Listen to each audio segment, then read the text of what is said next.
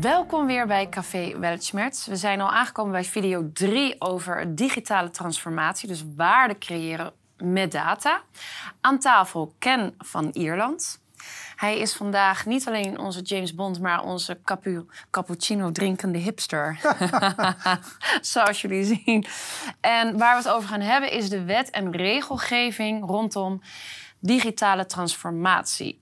Want Ken, jij zegt een van de drivers van digitale transformatie is de AVG en GDPR, die eigenlijk voorsorteert of bedrijven en overheden dwingt om datacentrisch te gaan werken. Kun je daar iets over vertellen? Ja, we hebben het uh, in de vorige sessies gehad over de CIO's en we ja. hebben het nu gehad over de CFO's. En we hebben het over de CRO's, hè, de Corporate ja. Risk Officers. Er zijn wat C's. Ja, er zijn wat C's binnen zo'n onderneming. Hè? Hmm. En um, we hebben het over gehad over de ondergeschoven kindjes. Hè? CIO's vaak ondergeschoven. Ja. CFO's, er zijn maar een paar CFO's in Nederland. Er zijn controllers, zijn ook allemaal een beetje ondergeschoven kindjes. En de CRO's ook ondergeschoven kindjes. Ja. Wat we zien is dat die wet en regelgeving heel belangrijk is om met data waarde te kunnen creëren. Het is een hmm. strikte voorwaarde om te voldoen aan wet en regelgeving. Maar laten we eerst beginnen bij het begin. Waarom doen we dit? Ja? Dus die wet en regelgeving, en dat is wat Brussel wel goed gedaan heeft. Die heeft een wet gecreëerd, de AVG, waarmee we een level playing field hebben gecreëerd om het belangrijkste wat we te beschermen hebben binnen de EU. En dat is het individu ja. binnen de democratie. Ja, en in 2018 hebben ze dat geïntroduceerd, toch? De verwerking van de persoonsgegevens. Ja. Ja. Was al eerder, maar uiteindelijk zie je dat in 2019 is het dan, wordt die wet gesanctioneerd. Mm. Ja, dus dat betekent dat als je er niet aan voldoet, dan krijg je een boete. Krijg je een boete. Ja. Nou, en de, de, de, de, de toezichthouder moet nog wel op snelheid komen. Ja. dus er zijn maar weinig boetes uitgedeeld. En dat heeft dan tot gevolg dat als je zegt je mag niet harder dan 100 rijden, maar niemand krijgt een boete, dan gaat iedereen toch gewoon lekker door uh, racen. Ja. En dan denk ik van uh, whatever. Maar ja, ze nemen het niet serieus. Ze nemen het niet dus serieus. enerzijds is het goed geweest dat die wet is gelanceerd, hè, want het dwingt bedrijven om hè, meer met data bezig te zijn. Maar jij zegt alsnog, nemen veel bedrijven compliance niet serieus. Nee. dus dat zie je vaak. Hè, dus met die hele nieuwe wetgeving. Ja. Uh, dat geldt niet voor alle ondernemingen, maar zeker voor de grotere ondernemingen. Zeker die onder toezicht liggen van DNB en AFM. Ja. is dat ze een, uh, een uh, data protection officer benoemen. die um, rapporteert aan de boord, maar die wordt benoemd vanuit de bank.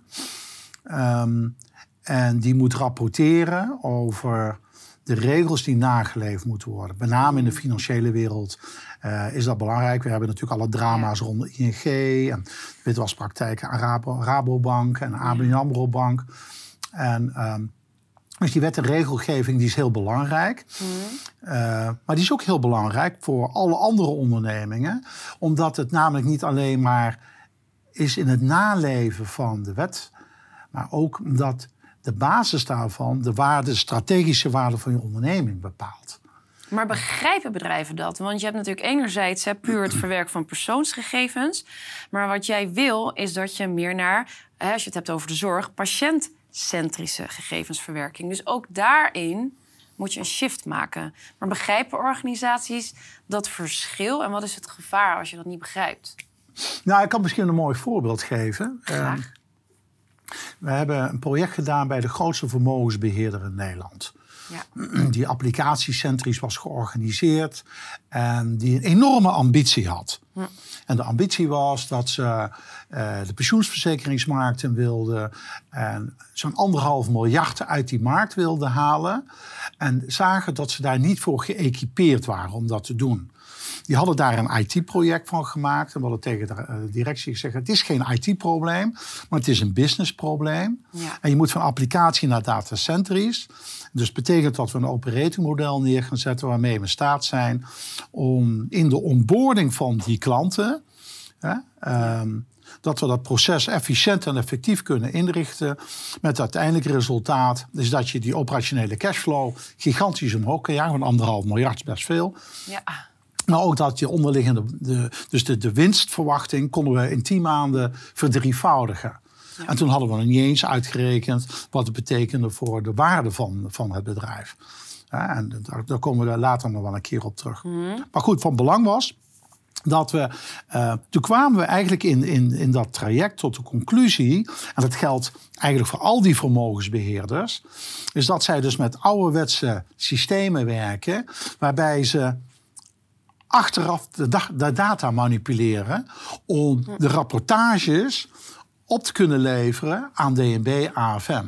En dat mag niet volgens de wetgeving. Nee. Strikt verboden om achteraf de database te manipuleren om uiteindelijk uh, te voldoen aan wet en regelgeving. Maar ook heel dom lijkt me. Het is, maar mensen doen het. Ja. Hè, omdat ze nooit daarvoor gestraft worden uh, en omdat uh, ze dat heel goed kunnen maskeren. Ja.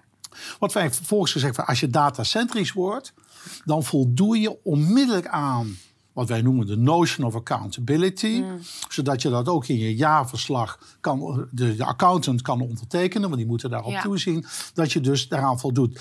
Dat betekent dat je dus ook niet meer achteraf de database hoeft te manipuleren.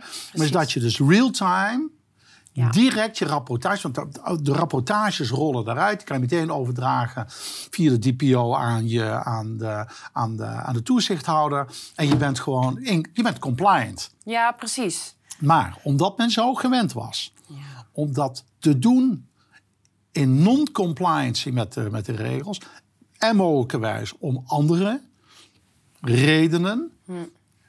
zag men er dus vanaf om dat project door te zetten, om van applicatie naar datacentrisch te gaan, vanuit een irrationeel, dus een irrationeel element. Terwijl de DPO weet van we zijn op alle, dit is officieel benoemd vanuit de bank. Hè, uh, rapporteert natuurlijk aan de raad van bestuur, maar rapporteert in eerste lijn dus natuurlijk naar, uh, naar DNB. Ehm, en zegt van, we zijn op alle fronten zijn we dus in, in, in strijd. En als je dat dan verwoordt in, in een rapportage aan de grote aandeelhouder en ze luister eens even, de continuïteit van je onderneming is in het geding. Want als toezichthouders hierachter komen, sluiten ze onmiddellijk je bedrijf. Ja. En vervolgens reageert de groot aandeelhouder en die zegt van, ik krijg al genoeg spam, dus wij, ik lees deze rapportage dus niet, dus uh, zoek het maar uit. En dan denk ik bij jezelf, Dus die oh steekt gewoon zijn hoofd uh, in het die zand. steekt de hoofd in Waarom? het zand. Waarom? Ja, dat is een hele goede vraag. Dat zijn irrationele vraagstukken. Onwetendheid, ego, wat, wat is dat dan? Combinatie van al dat soort zaken. Uh, maar weet je, daar, daar, gaan wij niet over. Dus wet en regelgeving is heel belangrijk. En je ziet dat wet en regelgeving op alle fronten zwaar wordt overtreden. Of dat men niet weet hoe men ermee om moet gaan. Ja. Neem bijvoorbeeld bij die grote witwaspraktijken bij de bank. Zie je dat de banken hebben duizenden uh, consultants aan boord gehaald. Toezichthouders, eigenlijk interne toezichthouders. Om uit te zoeken wat er dus fout gaat in die processen. Dus je, maar dat kost gigantisch veel geld, kost gigantisch veel tijd. Ja. Alleen, je bent niet in staat om het net dicht te houden. Want uiteindelijk gaat het toch fout.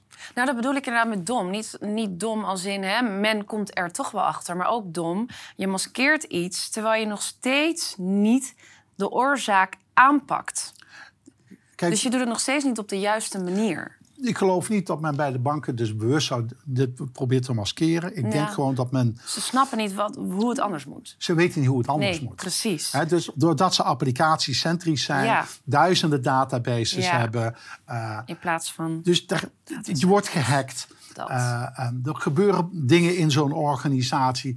Uh, de processen zijn nou eenmaal zo ingericht dat daar kan je met een enorme hoeveelheid, met, met een leger aan, aan, aan, aan, aan, aan controllers, kan je daarmee tegenaan gaan. En dan hou je, dan, hou je het nog niet dicht. Dan gaan er nog dingen fout. Ja, ja. En wat ze dus nooit begrepen hebben, is van als we nou de slag gemaakt hadden naar een datacentrische omgeving, dan hadden we wel voldaan aan die wet en regelgeving. Ja. Waarmee we al deze malheur hadden kunnen voorkomen. En dat is een, dat is een besef wat maar heel langzaam ja. uh, uh, begrepen wordt. En is het dan zo dat je zegt van hè, um, het ontbreekt aan de juiste kennis? Stel dat je nou kennis bij een organisatie binnenhaalt op dit vlak en van daaruit ook datacentrisch gaat werken, dan ben je goed bezig. Ja. Die kennis die, uh, is schaars. Hè? Dus deze mensen worden allemaal opgeleid bij uh, belangrijke instituten in Nederland.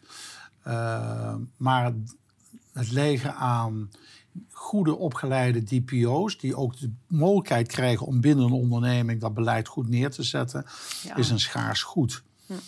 Um, maar wel essentieel, zeg super jij. essentieel. En waarom? Wat, wat als je het niet doet en hoe doe je het wel? Um, kijk, we hebben dus die AVG-wetgeving hm. zodanig neergezet dat de DPO um, zich bemoeit met de hele strategie van de onderneming en de vertaalslag naar die wet en regelgeving. Daar zit weer de factor IT, zit daar een, speelt daar weer een rol in, die daar natuurlijk wezenlijk niets van begrijpen. Nee. Dat is ook logisch dat ze daar niets van begrijpen. Is dat je dus nog, toch, nogal veel heilige huisjes moet omgooien. Het gaat ook over de governance van je bedrijf. Hoe govern je nou een onderneming waarvan je weet in het two-tier model, zoals wij dat kennen in, uh, in Nederland en uh, in Europa is dat je dus commissarissen en bestuurders ervan weet te overtuigen dat, um, dat dit de crown jewels van je bedrijf raakt. Ja. Um, in mijn PwC-tijd hebben we destijds toen een, um, een, uh, een, een, een, onderzoek gedaan naar wat er fout gaat in de markt op dit gebied. Dan praat je over gigantische bedragen. Ja. heel veel bedrijven zijn gehackt of worden gehackt en de vijand zit al lang binnen. Um, en zie, kijk maar wat ASML is overkomen, is dat een Chinees bedrijf de, de blueprint van de weverstepper gejat heeft. En in China dus uh, gewoon een concurrerend product. Wat, wat dat voor problemen veroorzaakt. Nou, de impact die dat heeft op de waarde van het aandeel is natuurlijk gigantisch. De hele brand uh, kijk maar wat Sony is overkomen toen het werd gehackt. Dat ze alleen al een litigation kosten zo'n 80 miljoen kwijt waren aan advocaten. Uh, maar daarmee was natuurlijk de hele schade aan het merk natuurlijk nog niet in meegerekend. meegerekend. Nee.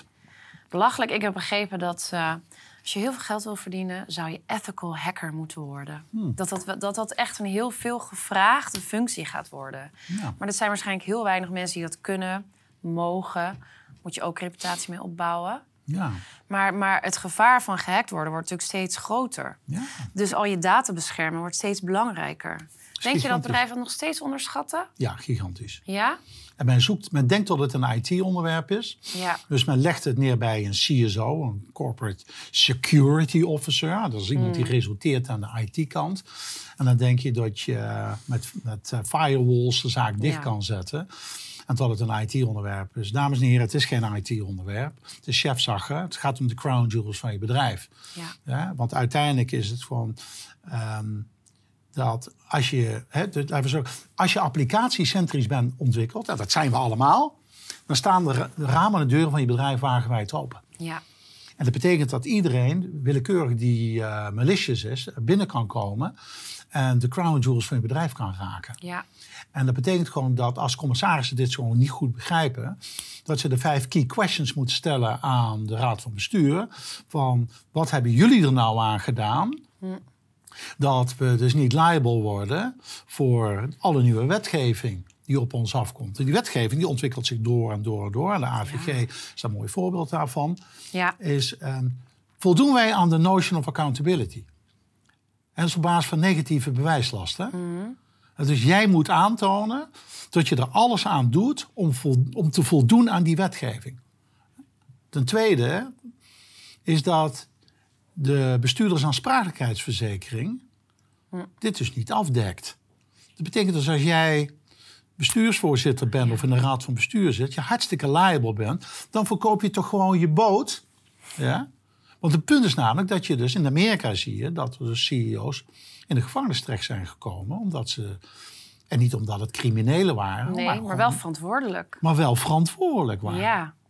En dus niet verzekerd. En meneer Hamers, supergoeie intenties om zijn bedrijf in een digitaliseringsmodus te brengen. Applicatiecentrisch gedreven. Mm. En loopt dus vol het mes in. Ja. Omdat er dus processen plaatsvinden die hem liable maken, het bedrijf liable hebben gemaakt met enorme boetes, maar hem ook als bestuurder liable maken ja. voor de gevolgen van het feit dat hij niet voldoet aan die notion of accountability. Nee. En dat geldt dus voor iedereen die onder die wetgeving valt. Ja. Dus dit is chefzag. Hè? Dat is, uh, hè, dus in eerste instantie naar je aandeelhouders toe hoe zorg je dat de crown jewels van de onderneming zodanig zijn beschermd dat de strategische waarde van de onderneming, uitgedrukt in de financiële waarde van het bedrijf, dus gegarandeerd zijn? Ja? Steek je daar je hand voor in het vuur? Ja. En weet jij, hè, dat kan wel stoer doen, maar dat dat ook echt gebeurt. Ja, precies. Ten tweede is het zo dat we in toenemende mate zien dat die, dat die wet en regelgeving zich doorontwikkelt. Ja. En dus ook. Dus je moet meegaan met de tijd op de hoogte blijven. Exact. Continu doorvoeren. En dat betekent dat het een grote impact gaat hebben op de strategische waarde van bedrijven. Dus als je dus niet datacentrisch georganiseerd Precies, bent... dan heb je het overzicht ook niet, lijkt me. En er gebeuren incidenten en die gebeuren... Ja, overal in de organisatie. Overal. Niet Bij iedereen. Ja. Bij iedereen. Ja. En dat betekent dat, dat uiteindelijk je de crown jewels van je bedrijf, de assets van je onderneming, gewoon niet goed beschermd hebt. Waardoor uiteindelijk de strategische waarde van die onderneming in elkaar klapt. Dus jij zegt eigenlijk dat je, als je applicatie gedreven bent, ben je kwetsbaarder. En want je hebt overzicht niet, want je hebt applicaties overal door je organisatie. En vanuit de levenswijze, gezegde, alles wat je aandacht geeft, groeit. Als je het nou datacentrisch doet, heb je overzicht. En dan kan je met z'n allen voor gaan liggen en dan heb je gewoon een sterker verhaal.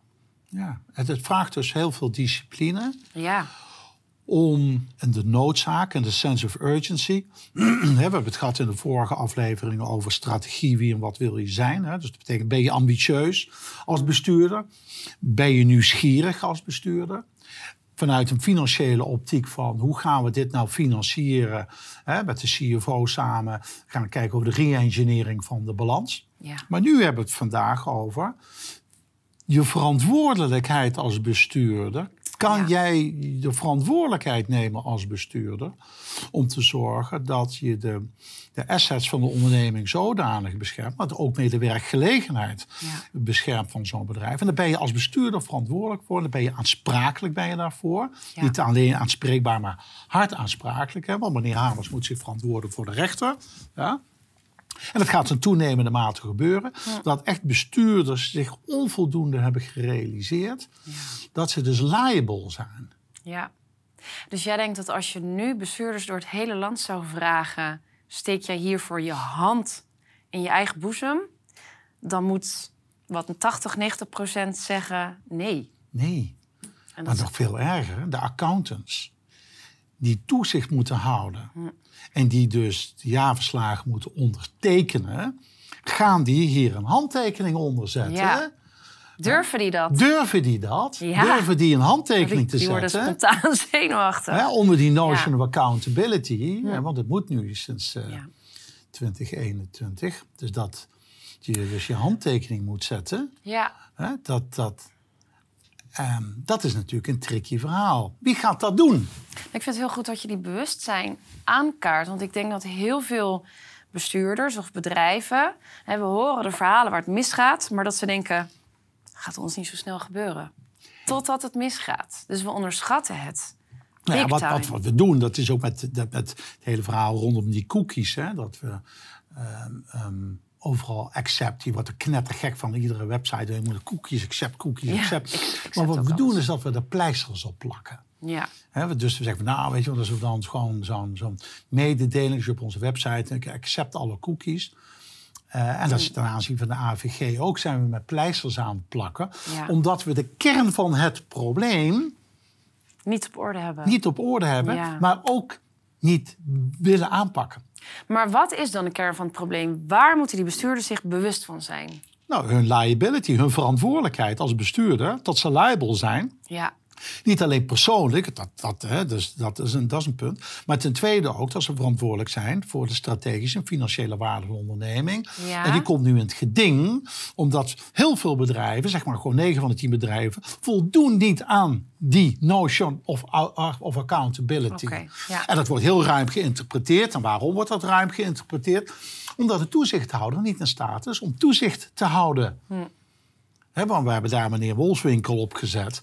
Nou, die meneer die excelleert nou niet bepaald in daadkracht. dat was hij in zijn vorige functies nou ook niet bepaald. Dus alleen al het feit dat die overheid die persoon op die rol zet... dat zegt ook al iets over de wijze waarop wij als overheid... dit soort wetgevingen implementeren. Ja, precies. Is dat we daar en we hebben nog wel een paar andere vraagstukken, uh, dossiers in Nederland. Maar we zien dat de overheid daar uh, wat in lamenteert. Ja. Maar dit gaat zich doorzetten de komende jaren. Dus als u denkt dat u eronder uitkomt, nou, uh, forget het maar. want dit gaat de komende jaren een belangrijke rol spelen. Dus, dit, dus nu moet je die, daar, die slag gaan maken. Dus die digitale transformatie zoals wij het erover hebben, is niet. Dit is een een transitieverhaal. En het zit hem echt in het centreren van data en dat beschermen. Dat is dus eigenlijk waar ze liable op Want zijn. in de data zit de crown jewels, de kennis van je bedrijf. Ja. Alle processen die leiden tot de waardecreatie tot dat moment. En je klant. En, de, alle klanten, want het gaat natuurlijk om, om primair om je klanten. Maar dat je daarmee in staat bent om naar een datacentrisch platform te gaan. Om de continuïteit van je onderneming te garanderen. Te kunnen accelereren, te kunnen excelleren. Mm. En waarmee dus een grote strategische waarde gaat ontstaan. En die strategische waarde die kan je uiteindelijk converteren. Op het moment als je een exit gaat maken door het bedrijf te verkopen. Of het wordt overgenomen. Ja. Of whatever, je wil naar de toekomst doorgroeien, is dat het bedrijf, net als Apple, eh, gewoon heel veel waard wordt.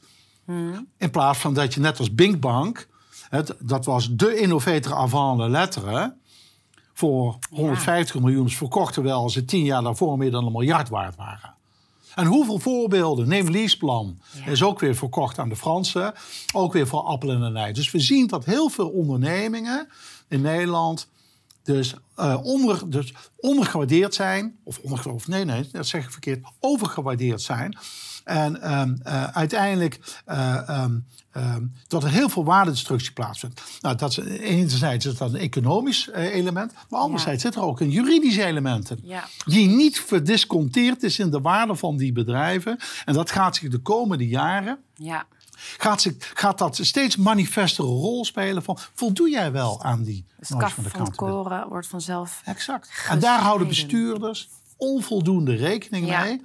Is dat ook dat een element, een rol gaat spelen in de financiële performance van het bedrijf. En is het omdat de wet en regelgeving steeds sneller opvolgt? Vind je dat, de, dat het goed is dat de overheid al die wet en regelgeving maar continu blijft produceren? Of vind je dat ze daar veel te veel bemoeienis in, in nou nemen. dat is de taak van de overheid. Dat is de taak van de politiek, is de bescherming van het individu.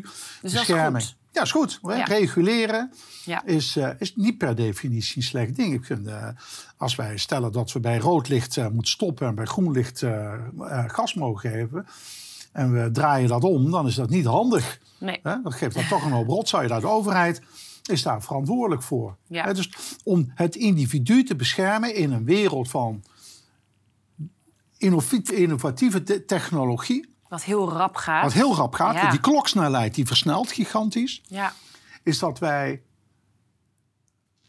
ehm, onze samenleving beschermen tegen uh, mensen die, daar, die dat niet zo nauw nemen.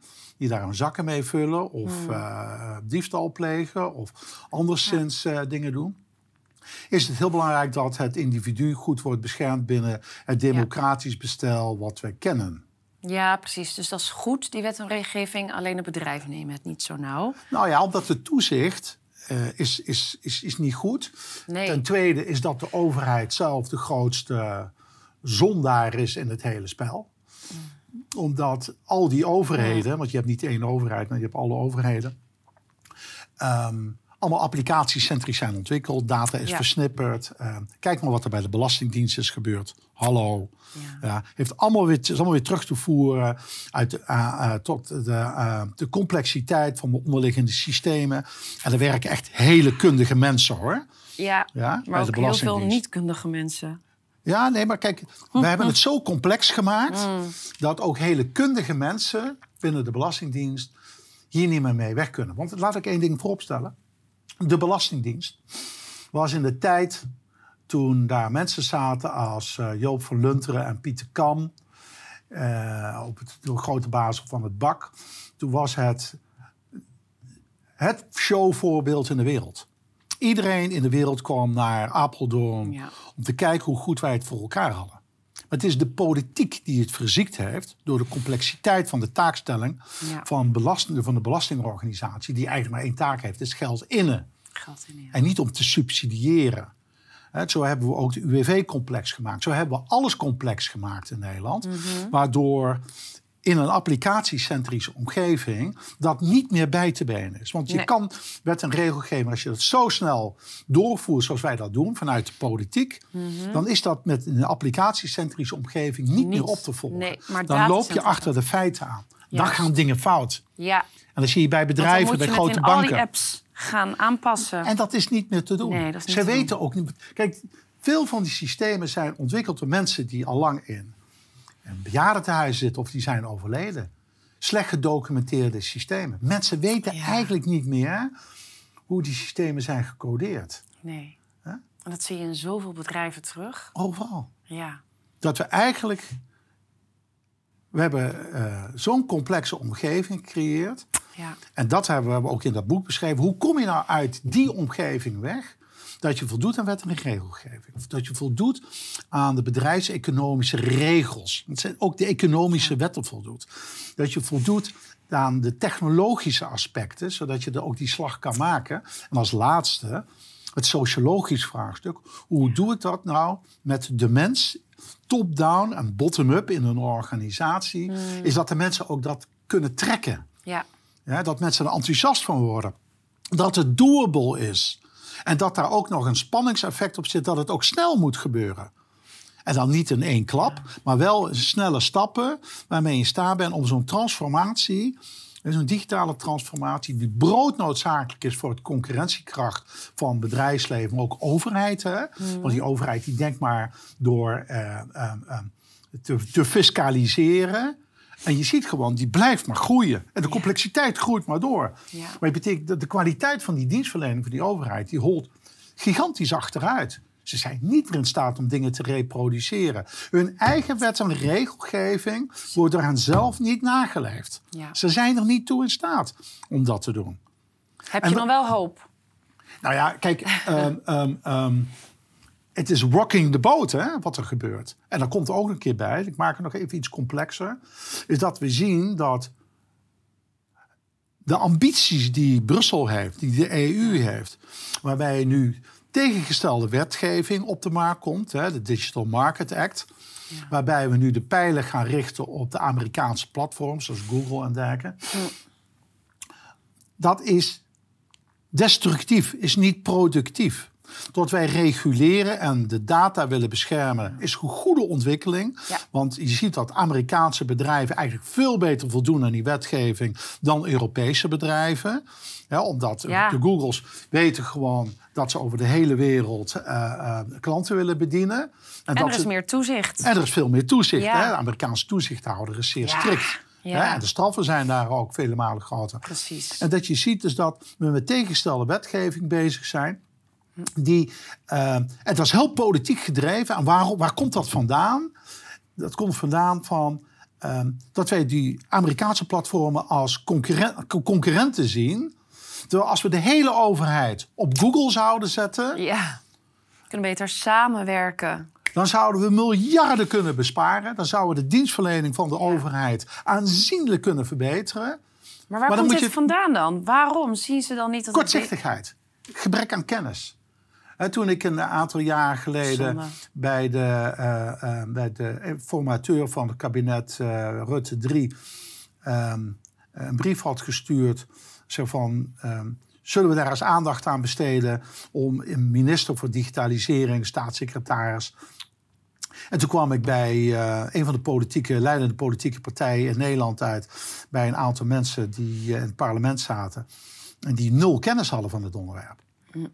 En die tien minuten de tijd hadden om mij aan te horen. Maar ze maken wel de wet en regelgeving. We maken wel de wet en regelgeving. Ze hebben geen ballen verstand van. Ja. Ze hebben tien minuten de tijd om ernaar te luisteren. Ja. En wat hebben ze nu uiteindelijk gedaan? Hebben ze Alexandra van Huffelen benoemd als staatssecretaris. Die doet de koninkrijkszaken. Ja. Dat zijn een beetje de restjes van Rutte 4. Dan mag je een beetje met Curaçao en dat zo. Dan mag je ook een beetje digitalisering doen. Dat is toch een mission impossible? Oh god, dus er zitten mensen op die positie die er niet verstand van hebben. En als Nul. echt eeuwig zonde. Maar hoe krijgen die mensen zover dat ze wel de noodzaak hiervan inzien of de urgentie voelen? Want het gaat toch een keer mis? Nou ja, dat is politiek. Hè? De politiek is natuurlijk irrationeel. Je moet je verstand thuis laten. Uh, het is rocking the boat. En zolang Nederland een rijk land is en we hebben heel veel geld, kunnen we natuurlijk heel veel maskeren door ehm, die druk maar in, die, in, de, in de reële economie neer te leggen. Ja. dus als we geld tekort komen, dan gaan de belastingen omhoog. Ja, of geld bijdrukken. geld bijdrukken, dus dat, dat is wat we doen. Dus hoe lang we dat vol kunnen houden, blijven we dat maar uitstellen. Omdat we uiteindelijk, hè, het verhaal van de prinses en de ert, mhm. is dat we... Ehm, uh, maar matrassen erop blijven tillen. Dat is mooi. Ja. Dus je kan altijd weer teruggaan gewoon naar Door een Roosje, Sneeuwwitje en de prinses en de Gooi die matrassen eruit, joh. Ga lekker op die ert liggen. Ga op die ert liggen. En dan weet je pas waar het probleem is. En dat geldt voor de overheid vele malen erger dan bij bedrijven. want bedrijven hebben markttucht, hebben aandeelhouders, hebben commissarissen. maar je ziet bij die overheid, die politiek, die, die sense of urgency helemaal niet. Maar waar zou je ze toe willen oproepen? Wat zou je Word eens wakker. Ja. Word eens wakker. Word eens wakker en doe wat nu? Nou ja, we hebben toen ook... Hè, de, Wat moesten nu doen? Bij PwC hebben we toen dat onderzoek gedaan. Van hoeveel waarde kunnen we nou creëren... vanuit de data van 18 miljoen Nederlanders. Hè, want zo ja. rap gaat het wel. Hè, voor, voordat ik het woord uitgesproken heb, zitten we al op 19 eh, miljoen. Ja. Dus het gaat heel rap, hè. Uh, maar dat maakt niet uit. Dat zijn de keuzes die we eenmaal gemaakt hebben, politiek. Is dat um, wij daar verschrikkelijk veel geld aan uitgeven. Dat de, de druk, dus de cost to serve van de Nederlandse overheid alleen maar oploopt. Ja. Uh, terwijl we daar heel veel waarde mee zouden kunnen genereren. Hè? Want ik heb toen de eerste uitzending ook gezegd van 28 miljard aan waarde in een conservatief model. Dat je je kosten dramatisch naar beneden zou kunnen brengen. Maar daarmee los je ook alle vraagstukken op die nu dus op de plank liggen, waar de politiek geen antwoord op heeft. Geen antwoord op heeft, maar voor zich uit blijven schuiven. Mm. En dat worden maatschappelijke vraagstukken die een steeds grotere last gaan vormen in de samenleving, waarbij de burger steeds verder van de politiek gaat afstaan. Ja. Maar dat is dat belastingvraagstuk niet opgelost wordt. En er zijn 1800 kinderen uit huis geplaatst. Hè, maar een voorbeeld. En dan, dat vinden, gaan wij in toenemende mate maatschappelijk onacceptabel vinden. Ja zie je al gebeuren. Het stikstofvraagstuk en zoveel andere vraagstukken die, die plaatsvinden, die door de politiek niet worden opgelost. En de kern gaat er terug naar als je naar een datacentrische omgeving. Je bent datagedreven, ingericht als Nederlandse overheid. Die in staat bent om heel veel van dit soort problemen te voorkomen. Omdat wet en regelgeving in toenemende mate gaan lopen drukken. Ja. Het drukt steeds meer. Het drukt meer, ja. En dan kan je natuurlijk wel als meneer Rutte alles weg blijven lachen. Ja. Hè, maar we, raken een keer uitgelachen met z'n allen. En dan hebben we echt een groot probleem. Dus bezint eer je begint. Hè? Ja. En je moet nu beginnen. Doe het op de juiste wijze. Ja. Ga naar een datacentrische omgeving. En zorg dat je een denktank organiseert in de overheid... waarmee goede adviseurs in staat zijn en niet de bestaande adviseurs, hè, want de McKinsey's en de BCG's en noem maar op. Dat zijn allemaal uurtje-factuurtje fabrieken die... Uh, nee, echte kennisexperts. Ja, echte kennisexperts. Ja. Echte experts bij elkaar zetten. Die denken in het belang, dus het politieke belang, het belang van de burger. Mhm. Dat, dat zou ook het leidmotief moeten zijn van de politiek. Het belang van de Nederlandse burger continuïteit, kwaliteit, zekerheid, bescherming. Dat zijn heel belangrijke. En daar gaat die wet en regelgeving over. Daar was hij ook voor bedoeld. Ja. Alleen niet goed toegepast. Hij wordt niet toegepast. We marchanderen ja. eromheen. En natuurlijk bedrijven die zien dat gedrag van die overheid. Ja, die nemen het over. En die nemen het over. En dat voorbeeld van die grote vermogensbeheerder... die zegt van, uh, na mij de zondvloed... en wij gaan gewoon door met het overtreden van de regels... want ons businessmodel ja. uh, vraagt daarom. Ja, ja schandalig. Dus wat daar gebeurt dat gebeurt overal. Het is niet alleen omdat wij toevallig daar rondgelopen hebben. Maar dat zie je bij al die partijen. Verzekeringsmaatschappijen, banken, eh, vermogensbeheerders. Eh, en ook in het reguliere bedrijfsleven. En dat is niet omdat het allemaal boeven of criminelen zijn. Verre van. Dat zijn ondernemers die denken van ja... Het is gewoon ingesleten is in ingesleten, ingesleten werkwijze. Ja, is ingesleten. vanaf. Dus je zegt enerzijds bewustzijn van het datacentrische werken. Ehm, kennis, de juiste kennis binnenhalen om dat ook door te voeren. En het is natuurlijk goed dat wet en regelgeving ja, dit zeg maar versnelt. Dus dat samen. Kijk, interessant is ook, hè? Toen we bij PwC hadden wij uh, de, de, daar een, een, een, een, soort product van gemaakt. En, en, daar hebben we mee de uh, wereldwijde innovatie challenge bij PwC mee gewonnen. Dat was heel prestigieus. Ja. Dat, dus die hele zaal met mensen internationaal gezelschap die zeiden van wauw. Dat wij als PwC daar een product voor hebben waarmee we raden van bestuur kunnen bijstaan van what are the five key questions. Ja. En dat binnen de council van PwC in Europa de council zei van wauw, wat hebben jullie nodig aan geld om hier een product van te maken. En zat de Nederlandse Raad van Bestuur dat gaan we niet doen. Omdat? Omdat ze uurtje factuurtje wilden draaien op de korte termijn. Gewoon bestaande modellen aan vast blijven houden. Maar als je doet wat je deed, krijg je wat, je kreeg. Ja. ja, en dat is wat we niet willen. En dat is wat, we niet willen. Dus hoe kan je dus uit je paradigma stappen? En dat, dat is ook een sociologisch vraagstuk. Is dat je dingen gaat doen in het belang van de maatschappij, want daar staat de politiek en de overheid voor. In het belang van je aandeelhouders als bedrijf zijnde. En dat is een grote maatschappelijke verantwoordelijkheid die we met z'n allen dragen, zowel in de politiek als in de ambtenarij als in het bedrijfsleven, waar we wet en regelgeving voor hebben opgesteld. Je rijdt ook niet met 300 km per uur door een woonwijk heen. Nee. Dat doe je niet. Dat doe je alleen al uit moreel besef.